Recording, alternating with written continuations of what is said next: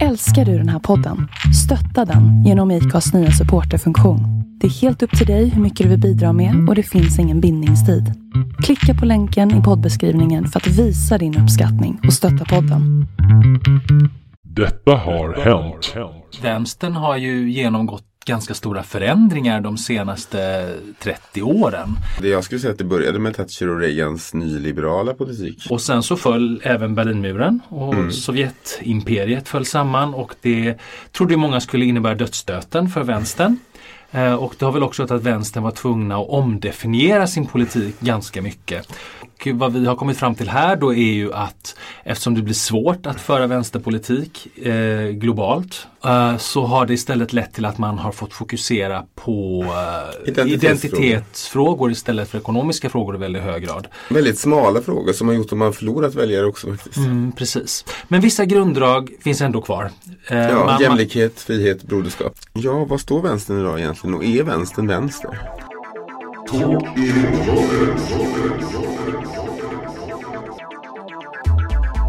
En podcast inspelad i en garderob någonstans i Stockholm. Här lyssnar du på intressanta, engagerade samtal och intervjuer i en väl avvägd blandning av oseriöst allvar och ironi och humor. Om du upplever ett plötsligt vredesutbrott och skriker rakt ut under tiden du lyssnar kan det bero på att du missförstått vad som är allvar och vad som är skämt. Eller så har du helt enkelt fel åsikter eller dålig humor. Hej och välkomna till Talking Closet och eh, våran andra säsong, avsnitt 6. Yes, och det är alltså andra delen av våran utläggning om den om vänstern, den svenska vänstern, men vänstern i allmänhet. Och jag heter Christer CJ Järvel och jag har med mig Patrik Gren här som vanligt. Yes. Förra gången pratade vi om eh, vänsterns historia, hur de här idéerna uppstod och eh, ja, rötterna till vänstern. Varför det heter vänster också. Eh, och lite om vad, vad som har hänt, eh, hur vänstern har förändrats och utvecklats och vad det har berott på. Yes, ekonomiska förändringar som har gjort att vänstern har svårt för en ekonomisk politik. Precis. Har drivit dem in till att föra det som tidigare var jämställdhetspolitik ekonomiskt har mer blivit en humanistisk jämställdhetspolitik fokuserad på kulturella frågor. Ja, grupper, minoriteter och så vidare. Exakt. Och det här har ju i sin tur rent politiskt på den politiska kartan gjort att, att även högern har svarat upp med kulturella Precis. frågor, eh, hamnat på dagordningen. Eh, även Ju mer vänstern försvarar vissa minoriteter, ju mer verkar högern attackera dem. Ja, precis. Så att det man blir på något sätt, eller minoriteter hamnar ju lätt liksom i I skottgluggen. Ja, precis. Och det är lite dumt.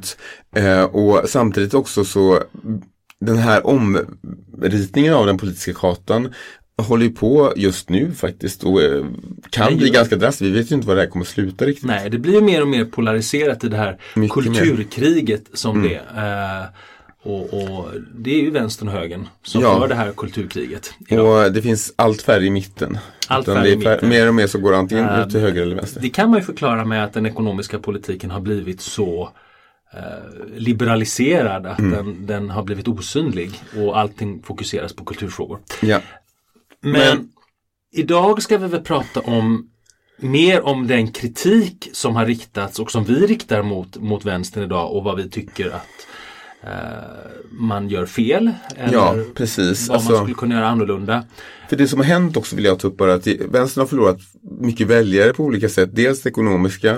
Eh, traditionell arbetarklass som alltid röstade vänster förut. Eh, röstar ibland nu eh, långt ut åt höger. Eh, och man har även drivit bort eh, mittenväljare med vissa frågor. Eh, där man har uppfattats som dubbelmoralisk till exempel. Eh, så eh, i det, politiken behövs det ju både en vänster och höger om det ska Annars, om bara en sida dominerar helt så blir det ju ingen politik. Så att det behövs de här två krafterna eh, och att de är hälsosamma båda två. Så att vi har ju eh, kritik mot vänstern och funderingar på vad vänstern kan göra för att kanske vinna tillbaka väljare och bli en eh, relevant kraft igen. Ja, absolut. Och det är ju så att, att vänstern, med, med, med när, när de började fokusera på, på mer kulturella frågor så har de också målat in sig i vissa hörn eh, som har gått stick i stäv med de ideal de har haft tidigare och som de fortfarande har och ibland talar emot varandra. Vilket gör att de kan upplevas som, som dubbelmoraliska och, och, och lite Hycklande. hycklande. Eh, vi kommer komma in på det också och vi har ju delat upp den här kritiken i, i flera olika delar, åtta Ja. tror jag bestämt. Eh, de, de första kommer handla mer om om en form av eh, vänsterelitism och, och hur, hur en akademi har tagit över eh, vänstern. Mycket akademiskt tänkande. Och det allra första är ju den klassiska kulturelitismen eh, som vänstern ofta kritiseras för. Det här att man står för en slags finkulturell, lite Snobbig. fisförnäm, snobbig kultur inom konst, modern konst, litteratur. Eh, vad som är bra litteratur och dålig litteratur, bra musik, dålig musik. Att man är ganska dummande där också. Ja, man är ganska dömande och, och lite så. Och det här har ju en lång tradition i vänstern. Med tanke på att man under 1800-talet då när man började eh, skulle civilisera arbetarklassen som man sa ville på något sätt eh, få ner de här borgerliga kulturuttrycken till vanliga människor som skulle kunna få njuta av, av civilisationens ytterst fina så att säga. Och förstå också, bli mer, förstå sin egen plats i samhället och varför Ja. saker är som de är och så vidare. Och det var en god tanke med Det är en väldigt god tanke och det har ju lett till att, att den här kulturen var väldigt viktig i vänsterns politik ända från början. Att omfamna de här finkulturella Ja, värdena. precis. Och det ser man ju framförallt under 68-vänstern på 1960-talet. Och hur universiteten allt mer tas över av av den här humanistiska inriktningen inom konst och kultur och, och de, framförallt humaniora Ja. men även samhällsvetenskap och universiteten idag är ju väldigt, väldigt, eller anses vara väldigt vänstervrid. Ja, jag tycker högerns kritik mot kultur, eh, universitetsvärlden är lite, inte alltid helt ärlig för att det är sant i viss mån. Eh, men vi pratar om vissa institutioner, vi pratar inte om universiteten i sin totala helhet faktiskt. Nej. Till exempel jag läste na- nationalekonomi och eh, ja, företagsekonomi. Eh, och de institutionerna kan jag inte påstå är vänster. Eh, kanske de skulle ses så idag av den mest extrema högern.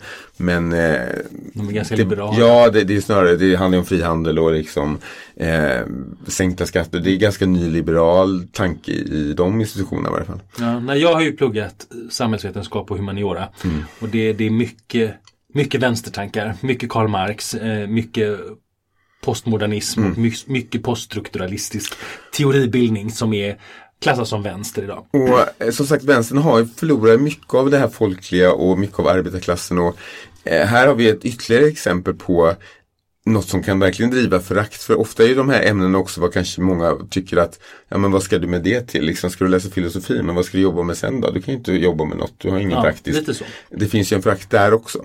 Eh, men eh, problemet med det här är ju att det, det finns ju något bra med kulturelit. Det har ju alltid i alla samhällen som går framåt finns det ju en kulturelit som står längst fram i framkanten kommer nya idéer och gör konst som kanske är nyskapande. Så att det finns ju något gott med det. Men problemet är ju att man har blivit också föraktfull mot allt annat, vilket inte är gott. Ja, kommersiell musik, kommersiell litteratur, deckare, melodifestivalen och allt Mm. Ja, sånt här precis. ses som lite sämre. Och det Mycket som, är mot, det som blir motsägelsefullt är ju att den här kommersiella kulturen är ju den som ofta omfamnas av den vanliga människan och den stora massan. Precis. Den som vänstern faktiskt vill företräda. Ja, precis. Och det blir ju lite lustigt när man föraktar den kultur som ens, ens potentiella väljare faktiskt tycker om. Ja men det är lite så här att men vi, vi, ni ska ju rösta på oss men vi, vi vet ju bättre egentligen. Så vi Ja. ska leda er ungefär. Eh, och det, det här är onödigt. Jag tycker man kan, man kan ha fin kultur men man behöver inte visa förakt mot den folkliga kulturen. Åtminstone inte öppet. Det kan man göra när de inte vet om det. Bakom ryggen på dem. eh, så, Men- mm. ja, det är lösningen helt enkelt. Det Ja, här. eh, och det här går lite in på kritik nummer två. Mm. För att den här, man ska säga, eh, akademiseringen av vänstern har ju också gjort att man har tagit in väldigt mycket eh, teoribildning, framförallt inom queer-teori, eh, intersektionalistisk genusteori och sånt här. Eh, från de här humaniora-utbildningarna på universiteten Eh, och, och, och, ord som vänstern ofta står för idag det, det är då feminism, eh, man kritiserar patriarkatet, eh, man, man pratar om genus, man pratar om Intersektionalitet. Ja, alla de här sakerna. Och det här är ju någonting som väldigt många människor inte förstår och det ligger väldigt, väldigt långt ifrån den vanliga Nej, och det går så människans snabbt vardag. också tänker jag. Ja, För att i- i- det är ofta det dyker upp ord eh, i debatten, jag bara, men vad är det nu då? Vad är det nu de har kommit på för något? Alltså att till och med jag ibland kan ju tycka att jag inte riktigt, eller att de förlorar fotfästet, de ska springa så snabbt framåt så att de får inte vanligt folk med sig utan de bara springer iväg framåt och så Ja. har de förlorat hela sin svans på något sätt. ja och så blir det så akademiskt att, Ja. att människor inte förstår. De måste ju förklara det här mycket bättre om de ska ha en chans att liksom föra fram budskapet och det gör de inte alltid, eller väldigt sällan snarare. Nej. Eh, jag menar, eh, speciellt i USA tycker jag ofta det är mycket sådana här konstiga nya idéer som man inte har fått förklarat som de plötsligt bara använder. Och det kanske är lätt för dem som har suttit och pratat om det eller suttit om som, föreläsningar. ja, precis, som har suttit i, i Men seminarier för folk i allmänhet, jag menar det, du förlorar ju folk då. Ja, det är klart. Och, och många av de här sakerna går ju också att koppla till den här jämställdhetstanken, humanioran, hbtq-rättigheter, etnicitetsrättigheter, rättigheter för, för, för invandrare. Eh, intersektionalitet handlar ju just om att man då ska analysera eh, flera olika förtryck på en gång. Att en kvinna kan vara hbtq och hon kan vara förtryckt för att hon har en annan hudfärg. Samtidigt som, alltså, och och det här skapar, och det är väldigt komplicerat. Eh, Och ett annat sånt ord som jag också ogillar ganska mycket som jag tycker är lite överdrivet också är det här cultural appropriation. Ja, kulturappropriering, Ja. det är också någonting sånt att, att, att eh, den vita majoritetskulturen då på något sätt plockar in element från andra kulturer och gör den till sin egen. Men så har ju kultur alltid fungerat. Så jag tycker det är fel att säga att man inte får det. Alltså, om man ser något i någon annan kultur tycker det där var lite kul, det kan vi ha här också. Och använder det så är det snarare beröm till den kulturen. Det är inte så här, alltså, Ja fast man ser det ju inte så. nej, här och också det är lite farligt tror jag. det, det är lite farligt. Eh, och, sen så har vi ju, det du brukar ta upp det här med att det finns en mängd av pronomen idag. Ja, det hänger inte jag med på alls. Jag blir så här, ja okej. Och sexuella identiteter som blir bara fler och fler och fler. Till exempel, vad är pansexuell? Eh, Det är väl att man blir kär i alla, i en människa, alltså oavsett vad den har för, för Slampor, kön eller Absolut inte. Det är de som Det säger, jag är pansexuell säger de som Ja. med alla. Eh, så. Men eh, något annat som också verkligen har drivit bort många, det vet jag till och med jag känner folk som och och jag kan hålla med deras kritik. Det är ju det här att man på något sätt har valt att attackera vita män. Allt är vita mäns fel. Och liksom man gör något som är ärvd skuld. Alltså att eh, vita män var elaka förr mot de här grupperna så att det är ert fel idag. Fast de kanske vita män idag har ingenting med det att göra. Och det är samma med det här, eh, precis så- som man har gjort med många minoriteter. Att man anklagar vita män kollektivt för något som några kanske har gjort. Vilket vi tycker är fel eh, liksom all, när det gäller alla minoriteter. Men, men vita män är det tydligen okej att göra det. Och där har man ju drivit bort en stor väljargrupp som känner sig attackerad och, och liksom orättvist eh, anklagad. Ja, det här är ofta ett problem man har eh, inom vänstern. Och man kan ju diskutera huruvida man kan tänka så eller inte. Men det är ju just det här att man pratar om majoritetskultur eh, kultur och minoritetskultur. Och att det- är nästan aldrig fel att kritisera majoritetskulturen, det är bara fel att kritisera minoritetskulturen. Och, och Det här kan vi gå in på och prata hur länge som helst om. Jo, men en sak de ett missar pro- här. Ja. Tycker jag är att de inte ser att okej du tillhör majoritetskulturen kanske, men vi är alla individer. Så du kan vara en vit cisman som aldrig har behandlat en kvinna dåligt, som aldrig varit elak mot hbtq-människor och så får du ändå skit för det, eh, kanske på en föreläsning eller en debatt. Eh, och det är klart, du, du känner att du, du kanske till och med har blivit förtryckt av sådana. Alltså du kanske var på något universitet där de var taskiga mot dig för att du var vit. Alltså, förstår du? Eh, och så dessutom får du då höra att du har alltid förtryckt oss, bla bla. Alltså, det kan ju ganska, det är klart att det triggar folk och driver dem Ja, in det är den här idén om patriarkatet. Ja. En kultur, kultur maktstruktur, en kulturell maktstruktur som på något sätt alltid har gynnat framförallt vita män. Det gynnar ju säkert fortfarande vita män. det är klart att det gör det, men, Men- jag tycker det är farligt att prata om patriarkatet som en könad maktstruktur. Nu låter jag som en sån här genusvetare från ett universitet. Eh, som en könad maktstruktur för att det är just en maktstruktur. Den har egentligen inget kön. Eh, det är bara det att den har gynnat män historiskt sett men den skulle lika gärna kunna gynna kvinnor. Ja, Eh, men också och- det här med att vi är individer. För då kanske Ja. det är en man, för till exempel jag har ju börjat intressera mig lite för det här med eh, heitism. Det här med att längre har just högre lön och fördelar. Eh, och säga att det är en liten vit man då som eh, ha- har lägre lön eh, än hans kvinnliga kollegor och har blivit eh, förfördelad på grund av det. Eh, då blir man också irriterad om man får höra att eh, du har minsann alla fördelar så nu ska du inte få några längre. Fast du kanske aldrig har fått några fördelar. Alltså, vi är alla individer Absolut. i sista läget. Jo men så är det ju. Och Lösningen här då? ja, sluta använda en kollektiv skuldbeläggning av en grupp. Och ingen Eh, ärvd skuld heller. Vad ja. Våra förfäder gjorde inte vårt fel. Nej. Gör en intersektionalistisk analys av den vita mannen också. Kanske man skulle kunna säga med, med ett liknande språk. Ja, och man kan ju ändra system. Alltså, det kan finnas systematiska problem som man behöver ändra, som vissa har följder av, utan att tänka på det, utan att märka det. Men eh, det betyder inte att man anklagar individen, det tror jag är farligt. Ja, det tror jag också. Vi ska ta en liten paus för en politisk väderleksrapport och Yes. när vi kommer tillbaka så kommer vi gå vidare i punkt nummer tre och då går vi in på någonting som vänstern har blivit oerhört kritiserad för. Kulturrelativism och identitetspolitik.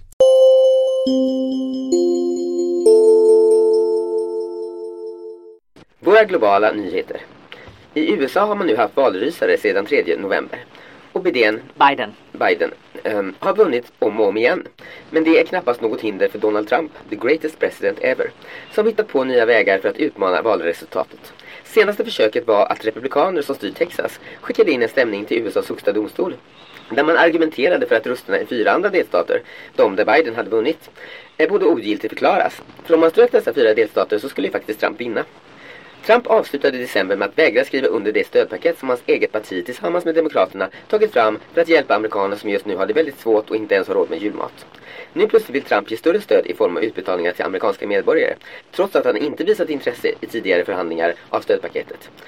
Han var helt upptagen då med att istället försöka ändra valresultatet. Men nu vägrar Trump skriva under på grund av de låga utbetalningarna och åkte istället iväg till Mar-a-Lago för att spela golf. Så att svältande amerikaner blev helt utan ekonomiskt stöd.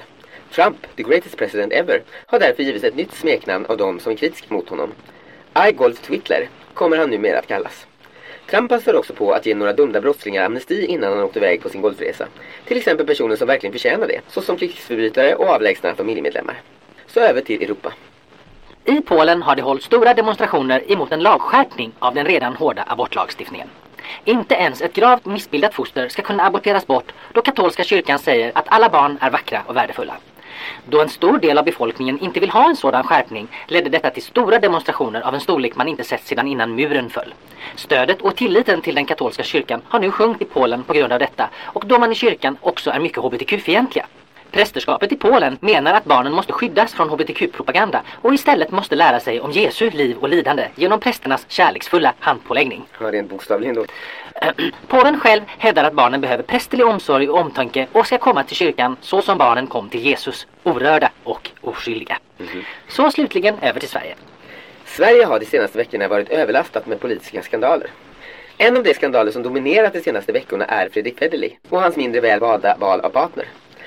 Partnern som har visat sig suttit i fängelse har gjort det på grund av mycket grova brott. Det som gjorde denna skandal till en härdsmälta för Federley är det faktum att han känt till arten av det brott hans partner begått och ändå valt att stanna och gosa.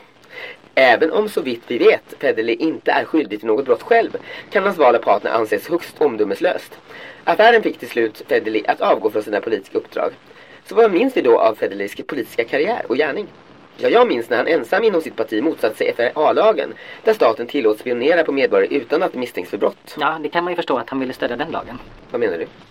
Ja, med, med tanke på att han inte vill att staten ska titta in i hans, eller rättare sagt hans, framtida partners liv. Jag tror inte det fanns några sådana baktankar. Inte ens Federley ju spådom trots allt.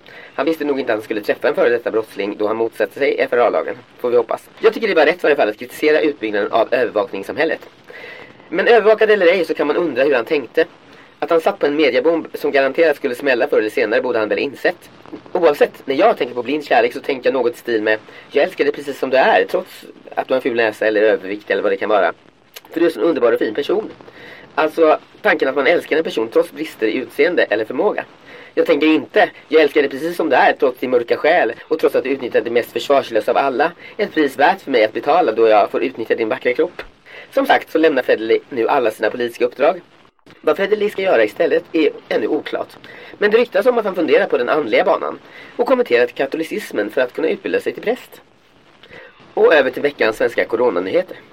Regeringen gick inför julen ut med nya råd och förmaningar där man uppmanade svenska folket att undvika folksamlingar, köpcentra och skidresor. Alla måste nu ta sitt ansvar. Vi på Talking Closet försökte få en intervju med vår statsminister Stefan Löfven. Men hans pressekreterare meddelar att statsministern tyvärr inte är anträffbar då han blev tvungen att skynda till den stundande mellandagsrean på Mall of Scandinavia som erbjöd sanslöst låga priser på rakapparater. Inte heller Magdalena Andersson gick att nå då hon var på en välbehövlig timeout i Sälen. Hon hälsar dock från liften att regeringens rekommendationer är väl avvägda. Ja, vänster gör ju inte lätt för sig i varje fall. Men de gillar kanske att bli utmanade inför kommande val. Mm. Det var veckans politiska väderleksrapport. Åter till garderoben.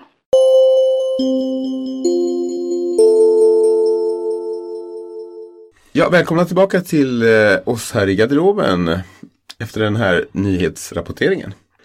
Och vi ska prata om kulturrelativism, en annan kritik mot vänstern och det får du förklara Patrik. Kulturrelativism är ett akademiskt begrepp Mm. Lustigt nog då eftersom det vi pratade om innan. eh, som började användas av eh, socialantropologer faktiskt när de studerar.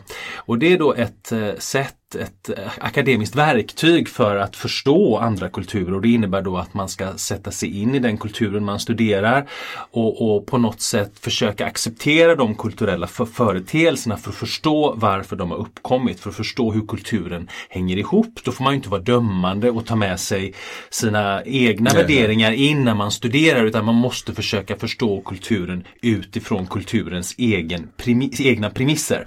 Eh, Och det är ju bra. det är ett jättebra akademiskt verktyg. Men kanske inte om man ska plötsligt göra det till en filosofisk idé om hur vi ska agera i dagens Ja, värld. tar man in det i politiken kan det bli problem. För att vi kan ju ta ett exempel här till exempel.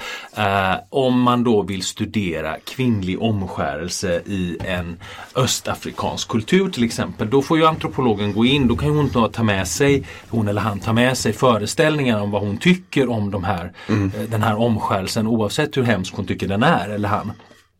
Eh, utan för att förstå den så måste man ställa sig neutral till det här och försöka förstå varför gör de detta? Hur har den här, den här seden eller den här kulturen uppkommit på det här sättet och varför gör man det? Och hur påverkar det människorna där och varför finns den? Eh, och det är ju gott så. Eh, För att förstå. för att förstå den. Men plockar man nu och gör ett politiskt verktyg av det och tänker då att Jo men nu skär de om de här flickorna och skär bort deras, delar deras könsorgan i den här kulturen. Och det är deras kultur så då måste vi acceptera det. Och det tycker inte vi att man måste. Nej och då blir det ju lite konstigt för då blir ju allting gångbart så länge någon annan gör det. Ja, då kan man ju acceptera vad som helst. Det är ungefär Exakt. som man skulle säga att eh, om vi säger att Hitler skulle vunnit kriget att, att ja, men, i Tyskland eh, mördar de sina judar och det har de alltid gjort så det får vi acceptera. Nej, det kan vi inte acceptera. Alltså. Precis. Ja. Och, och jag anser ju då att det finns andra värden som går längre, nämligen mänskliga rättigheter till exempel. Mm. Att, att det är viktigare än att acceptera vissa kulturrelativistiska uttryck. Men det har ju tagit sig vissa konstiga eh, uttryck i politiken Absolut. idag när man då Absolut, väljer att, att att spela ner problem med vissa eh, grupper i svenska samhället som kommit hit från andra kulturer och menar på att de här problemen är inte lika viktiga för att de, de görs där men inte här. Ja men precis. Det, det, det, jag ogillar det här skarpt för att eh, vi alla har ju våra ideal och man har sina, eh, sin syn på rätt och fel. Och vi kan bara utgå från våran syn på rätt och fel tycker jag. Ja, inte, inte när vi förstår andra kulturer men när vi, om vi på något sätt ska sprida vad vi tycker då är det vad vi tycker. Ja och sen blir det ju också en, en, en motsägelse mot det här alla människors lika värde och alla människors Precis, fast inte där då. Liksom. Ja men inte där. Det är okej att behandla kvinnor illa i den här kulturen för det har man alltid gjort där. Eller det är okej att kasta homosexuella från hustak.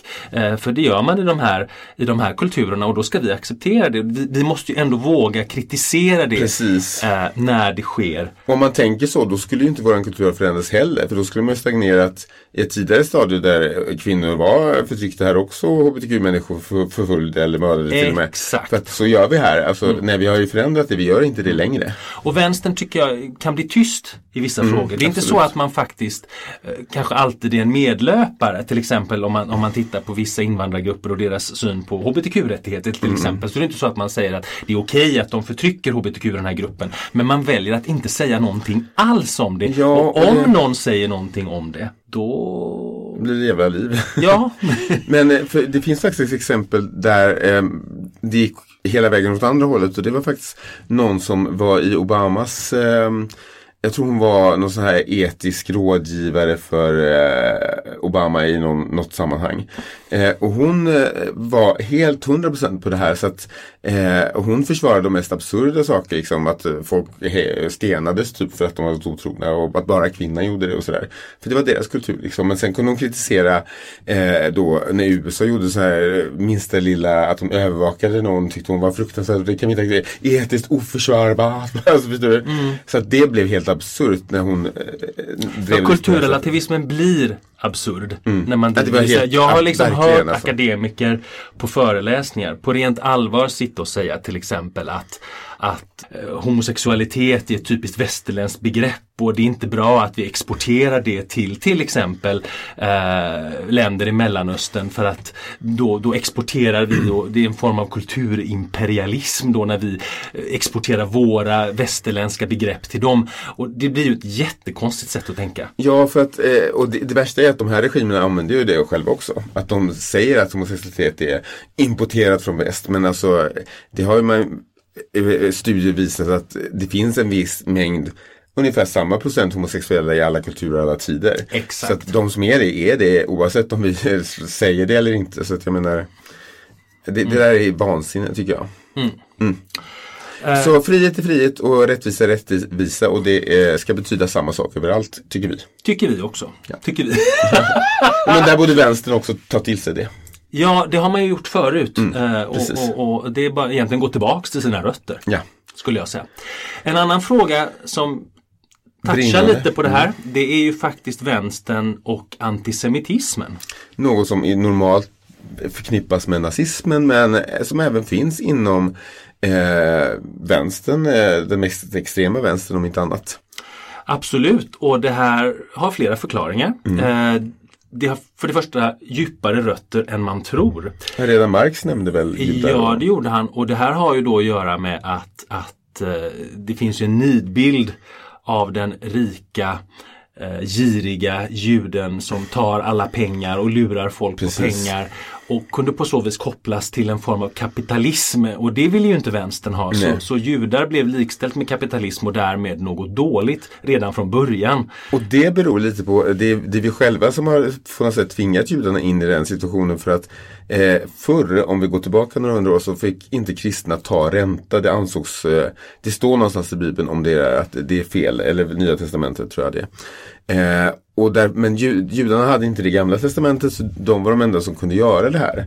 Så då blev det naturligt att de drevs in i bank Och bank- blev finansvärlden. bankirer och så.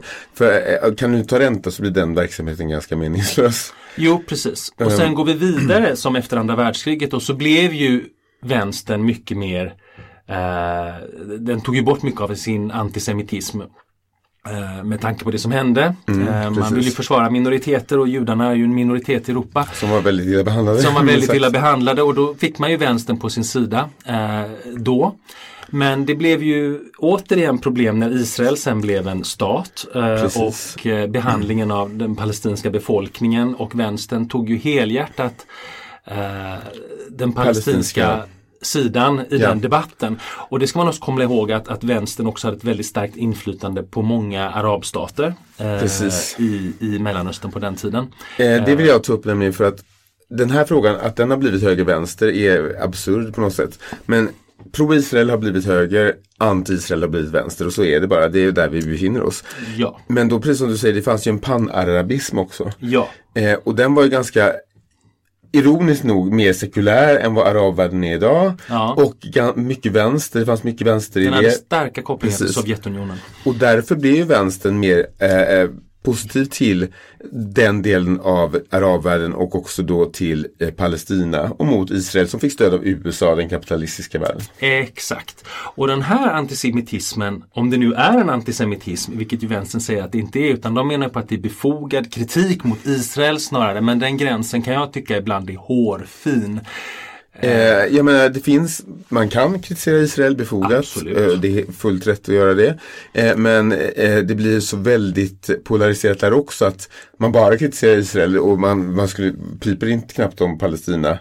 Eh, Trots att man i Palestina begår övergrepp mot mänskliga rättigheter. Ja, och ibland är det Palestina som också attackerar, även Israel är den starkaste sidan. Så att Ja. De starkare har ju mer ansvar tycker jag på något sätt. Men eh, det, det blir, eh, man tar inte liksom eh, hänsyn till rätt och fel utan man bara ställer sig på en sida oavsett och det gör högern också. Ja, det gör högern Istället också. för att säga att den här gången tycker vi det här var helt fel, det, så här gör man inte. Och det måste man kunna kritisera båda sidor beroende på vad som händer istället för Ja. att bara ta en sida. Och någonting som Israel har blivit väldigt kritiserat för det är vad som kallas pinkwashing.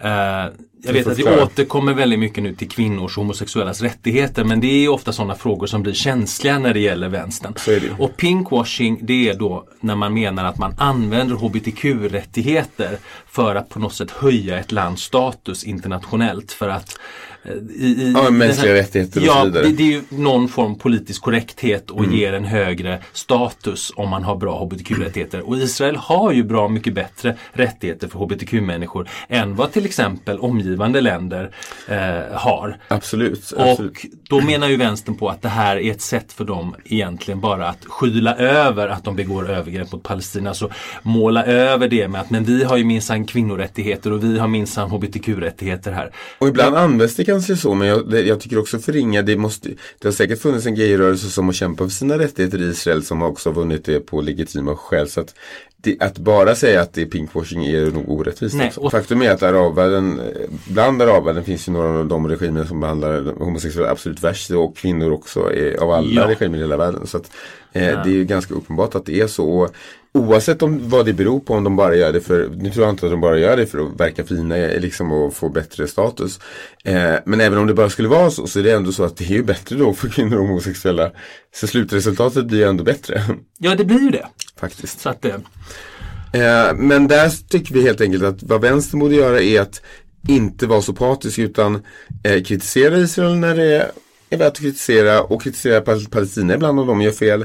Och är, är, ja, bli mer neutral i frågan faktiskt. Ja. Och det här leder oss in till den sista delen vi ska prata om efter vi har gjort våran intervju. Ja. Och då är det religionen, eller Precis. vänsterns koppling till religion och hur man hanterar det.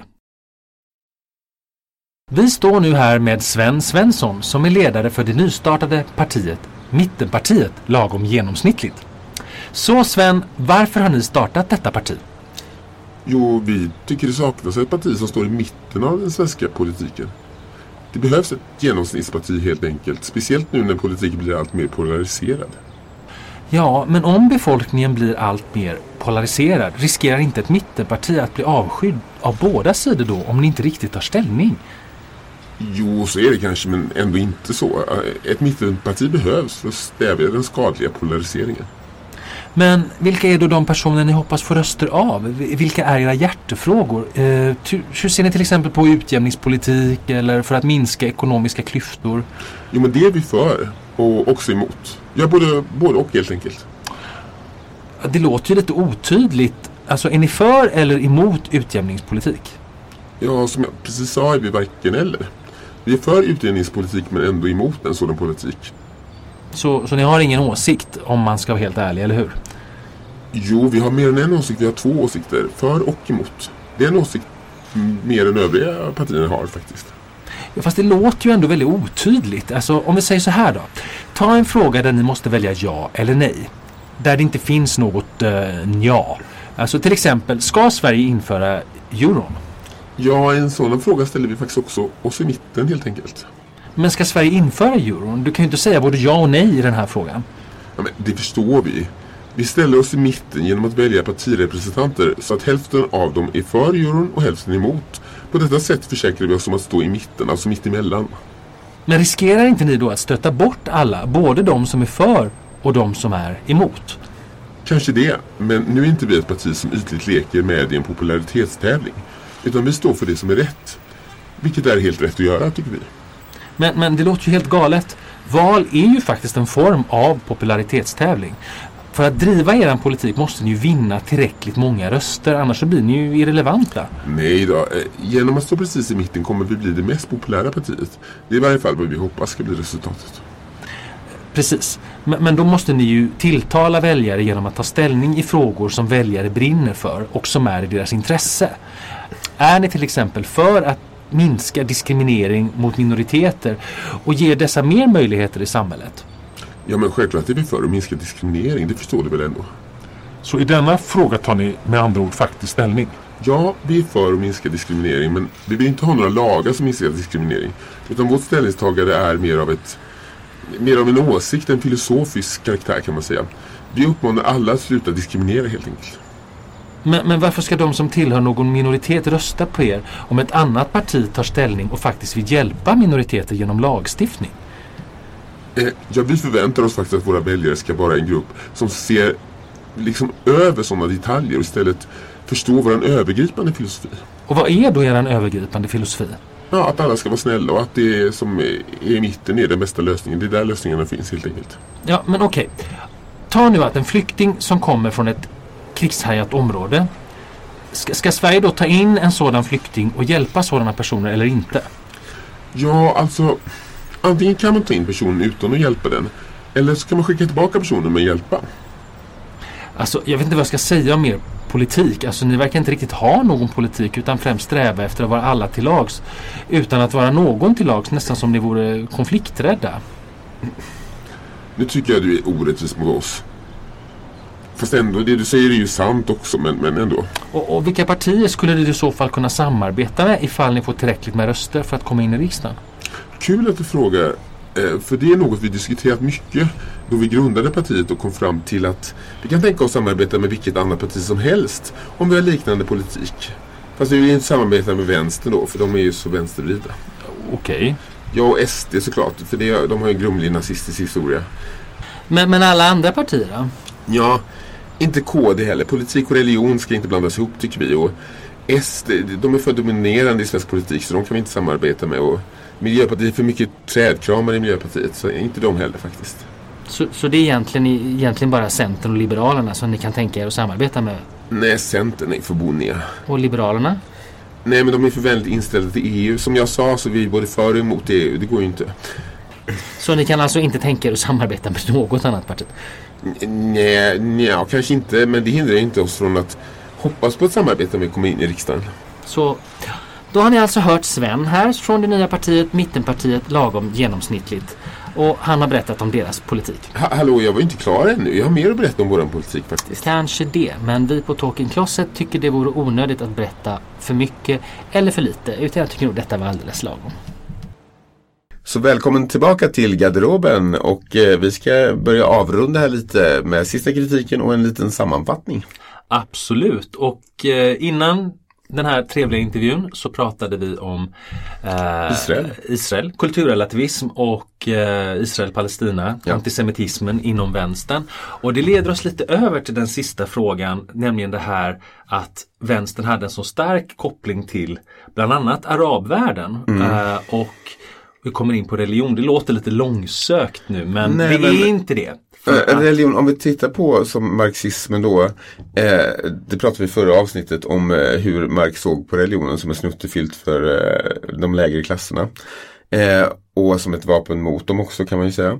ja. Eh, men också religionen det finns visserligen religiösa vänstermänniskor, eh, det måste vi säga också, och kyrkor och så vidare. Men religionen, eh, är inte den väldigt konservativ i grunden på något sätt? Jo, det är klart att den är det. Alltså det, det här handlar ju om, om böcker som skrevs för flera tusen år sedan ofta. Oftast. Och som, som på något sätt förespråkar en, en, en evig sanning. Mm. Eh, och det är ju inte så lätt att bara skriva om Bibeln eller eh, Koranen eller Nej, nej, nej. Bhagavad Gita eller vad det nu är för någonting.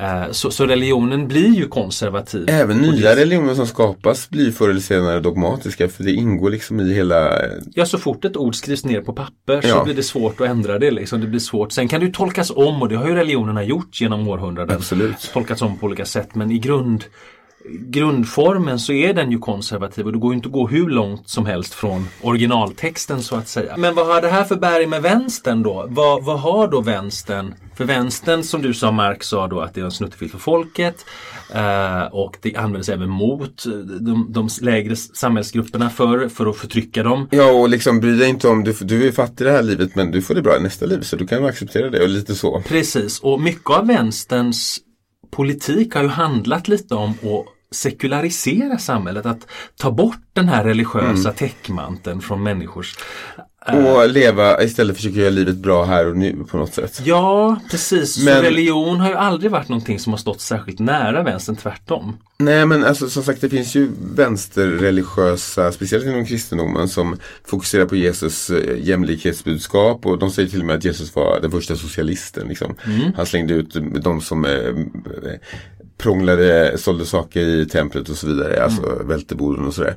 Men ehm, grejen är att eh, det har blivit ganska infekterat också för att eh, vänstern och det här med islam och islamism och allt det där blandas ihop i en sörja som gör att eh, folk upplever vänster som dubbelmoraliska i det att så fort någon kritiserar något i islam så blir det liksom ja, det har ju blivit lite så. Eh, jag, vill återgå till det jag sa förut, just det här Mm. att, att eh, de, de socialistiska länderna någonstans försöker, och du sa det själv förut med de arabiska länderna här just, att de var mer sekulära under de här socialistiska Mm. Precis, det var de ju absolut. Det var de, för att vänstern har traditionellt varit väldigt mycket emot religion faktiskt. Eh, Man har kritiserat religionen. Och man har så. Men idag då när vi har fått in stora grupper, eh, muslimer i synnerhet eh, och vänsterns koppling till de här grupperna som vi pratade om tidigare. Mm. Så, så har vänstern börjat liksom, jag säger inte att man försvarar de religiösa grupperna. Men inte men man, man ställer sig lite otydlig och vågar helt plötsligt inte tala. Man mumlar i skägget och Ja, när folk börjar då prata om hbtq-förtryck i förorterna och hedersförtryck mot kvinnor. Då blir det bara mummel mummel och man säger ingenting och man vågar liksom inte. Man vågar inte vara tydlig. Man vågar inte vara tydlig för att man, jag tror politiskt har stått så nära de här grupperna så länge. Plus att vänstern ska alltid ta, ta minoritetens rättighet till försvar och även om det kommit in mycket folk med till exempel islam som religion så är de ju fortfarande en klar minoritet Absolut. och kan lätt bli utsatta. Och vänstern ska alltid försvara de som blir utsatta. Så att man, men precis som i Israelkritiken att man har inte lyckats skilja på att försvara människor, vilket man ska göra.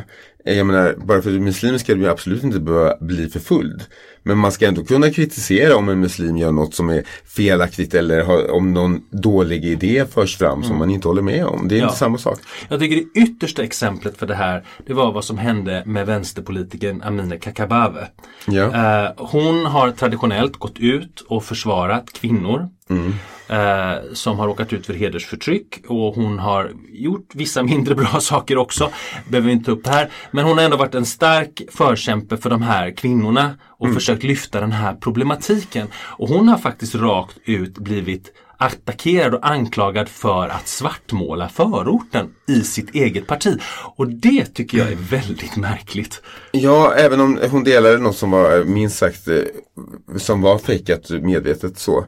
Så eh, har hon ju ändå poänger i, och jag tror även andra från till exempel i Iran och så vidare kritiserar vänstern just för att man lägger locket på i de här frågorna.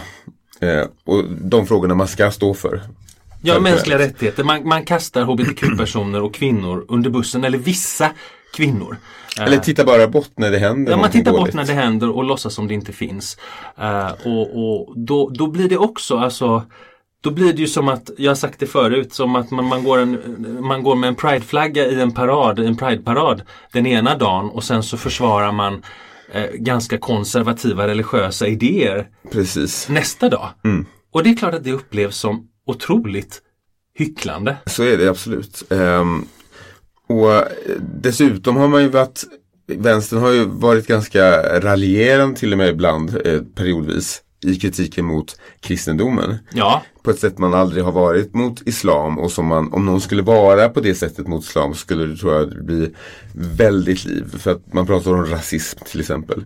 Eh, och återigen, jag menar varje individ ska försvaras. Det är inte så att bara för att du är muslim ska någon kunna vara taskig eller diskriminera eller diskriminera dig på något sätt. Men eh, man måste ändå kunna eh, kritisera idéer som man anser är skadliga eller farliga.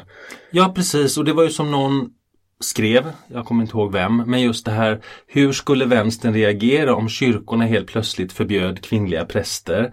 Om man separerade män och kvinnor i kyrkorummet? Om man inte ville tillåta människor med viss sexuell läggning eller sexuell identitet att, att ens få vara en del av den Nej, tron. precis. Hur skulle vänstern reagera då? Om kristendomen gjorde så? Jag tror att det skulle bli himla liv och det finns ju vissa kristna sekter som gör så men de, de, ofta är det ganska eh, Jag tror ganska små församlingar och så vidare. Men eh, det är samma det här med sekulariseringen har ju också skett. Det är ju vänster men det är även liberalismen som har sekulariserat. Ja det är det absolut. exempel USAs konstitution är inskrivet den här muren mellan stat och kyrka. Och de, de drevs ju av snarare liberala eh, idéer, kanske mer än vänster Mm. utpräglade. De är mer eh, franska revolutionen än Marx kan man Ja säga. absolut. Eh, men eh, det här är svåra frågor också för att det, det är lätt att halka över det. Ja, det är ju därför jag tror vänstern blir så otydlig för man är så rädd att spela högerextrema krafter i händerna. Precis, och det är lätt gjort Eh, faktiskt. och det är lätt så att, att, att en, en, en kanske befogad kri- kritik mot Mm. religionen rinner över i en slags Ett hat mot alla som har den religionen. Alltså, ett hat mot alla som har den religionen. Så det gäller ju att gå varsamt fram när man gör det här. Till exempel man förstår- ser terrorattacker, man ser Isis och de vidrigheter de gör. Och sen då, ja, alla muslimer, det är lätt att det går över från de här extrema grupperna till att alla Ja. muslimer är så här och så är det ju inte. Ja, men man måste skilja på att kritisera en ideologi som en religion faktiskt är Mm. Ja. och att kritisera en grupp människor.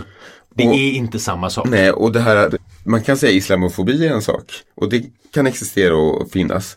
Men att säga att någon som kritiserar islam eller är islamofob är rasist. För rasism handlar ju om hudfärg och, och du kan ju vara muslim och vara av vilken eh, Ja, helst vilken grupp som helst. Du Ja, kan ja, eh, och sen konvertera från att vara svensk eller vara Ja. vad som helst. Och ofta är det ju bara ganska extrema varianter av islam som står Ja. för de här mest extrema uttrycken. Det finns ju faktiskt, vad ska man säga, mer ja, ja, hu- hu- humanitära islamska ideologier Ja, men också. Islam är ju en enormt bred religion. Jag tror i Berlin enormt- finns det någon sån här kvinnoimam som Ja, ja, tillåter hbtq-människor och allt möjligt. Ja, i Paris finns det också. Eh, så att så är det ju absolut. Men eftersom det har hänt så mycket terrordåd och så vidare så är det ju alla, allting har fokuserats på just den delen. Och Den varit mest extrema extremt. formen, ja. Eh, men om du tittar på kristendomen, eh, de här, i USA finns det ju inte hate speech, det finns inga lagar mot det. Eh, och de som är väldigt extremt kristna där är ju precis likadana, om inte ibland nästan värre. Eh, och läser man gamla testamentet så är det ju inte något om man skulle följa allt det där. Alltså, det, Nej men precis. jag menar, aborter är ingenting. Skära upp kvinnor som är gravida och slå barnhuvuden i stenar och jag vet inte allt vad de håller på med som Gud beordrar. Så att, ja. Ja. Men Slutsats. slutsats på det här. Ja, vänstern har alltså förlorat eh, den traditionella grund som de en gång Mm. stod på. Och därmed har de också förlorat mycket av sitt inflytande och eh, Sin sin, väljarbas. Men nu ska man komma ihåg att vänstern också har förflyttats på den politiska Ja. kartan lite grann. Eh, mycket av det som förut ansågs vara liberal politik har idag blivit vänsterpolitik. Precis. Eh, så att, så att Och när vi säger traditionella grund så det, vi pratar återigen om det här arbetarklassen och det ekonomiska. precis. Eh, men och vad ska man göra då? Man måste göra något för att om inte vänstern på något sätt förnyar sig så förlor, riskerar man ju att förlora ännu mer, inför, man har förlorat inflytande under lång tid. Eh, ännu mer ute i världen än här i Sverige och fortsätter på det sättet så finns det ju snart bara en höger och det är inte så bra. Det bör finnas båda delarna. Det bör finnas båda delarna. Eh, och därför tänker vi att eh, man kan ta bort sina mest galna idéer och inte fokusera så mycket på identitetspolitik och smala frågor utan återigen försöka hitta Bredda tillbaka sig. och ekonomiskt för den ekonomiska, eh, vad heter det, Basen, ja men också ekonomiska skillnaden mellan eh, fattiga och rika. inequality Ja, eh, har ju ökat otroligt mycket i hela väst, eh, även Sverige. ja. Eh, så vänstern har ju mycket att, Det kan ju inte fortsätta så hur länge som helst. Så Nej, man bör titta tillbaka på det och sluta anklaga vita män för allting också. Ja, och sen alltså att man fokuserar på den ekonomiska politiken behöver ju inte betyda att man måste släppa alla frågor Nej, nej. minoriteter. Man kan fortfarande kämpa mot Men rasism och, och kämpa för hbtq-rättigheter och vara feminist och så. Absolut. Eh, det ena utesluter ju inte det andra. Eh, Det jag tänker liksom om du har en valkampanj att bara prata om eh, transsexuella och vilken toalett de ska använda. Det berör en så otroligt, för det är 0,7 procent tror jag befolkningen ungefär som är. Eh, det berör en väldigt liten del av befolkningen så att det engagerar inte så många människor utan då är det lätt att de lockas till andra partier som pratar om frågor som faktiskt påverkar deras liv i vardagen. Och sen skulle jag vilja säga så enkelt uttryckt att vänstern behöver lämna kulturkriget. För de föder bara den motsatta sidan Mm. Det finns ju till och det. med de som påstår att kulturkriget är ett sätt där de rika har sett till att eh, få människor att rösta mot sina egna ekonomiska intressen i kulturkrigsfrågor. Eh, som en manipulation så att de kan driva ekonomiska politiken mer och mer eh, så att de rika blir rikare. Eh, och ändå få rösta genom att de skrämmer folk om aborter och gay marriage och allt vad det är som vissa blir skrämda av helt enkelt. Så en- det låter lite. Invandrare som är farliga som kommer hit. Så enligt den konspirationsteorin så skulle i så fall vänstern genom att delta i kulturkrigen faktiskt gynna sin motståndare precis, snarare. precis. Ja, och det kan nog ligga någonting i det. Ja. Eh, Men också samtidigt nu om vi ser på den politiska kartan och vad som händer i världen att eh, vänstern behövs för att det är nästan bara de här nya frågorna som driver framåt som inte tittar bakåt. Inte vi ska bli great again som vi var på 50-talet utan tittar mer framåt. Vad behöver vi för att lösa klimatkrisen? Hur ska vi skapa nya jobb? Vad händer när robotiseringen kommer? Eh, hur ska människor, eh, liksom om de inte finns ju tillräckligt mycket jobb för alla, vad gör vi då? Och så vidare. Idéerna för lösningar på de här sakerna är nästan alltid kommer från vänstern, inte från högern. nej men det kan nog ha att göra med Högern är med, jag ska, ska göra som Eller förr. liberala lösningar och liberaler och vänster Ja. kommer ofta med nya lösningar. Och det har ju mycket att göra med att högern som konservativ kraft ofta tittar bakåt och där hittar du inga lösningar på framtiden. Ja, och tittar man bakåt är man inte bara konservativ, man är reaktionär. Det är man också, faktiskt. Men det var allt. Ja, och eh, nu har vi pratat om vänstern. skulle vara lite intressant att höra samma sak om För högern. vad fan har hänt med högern senaste Ja. tiden? Den har glidit väldigt åt höger delar av den, har den inte? Ja, Så det ska vi prata om framöver. ja, det ska vi definitivt prata om framöver.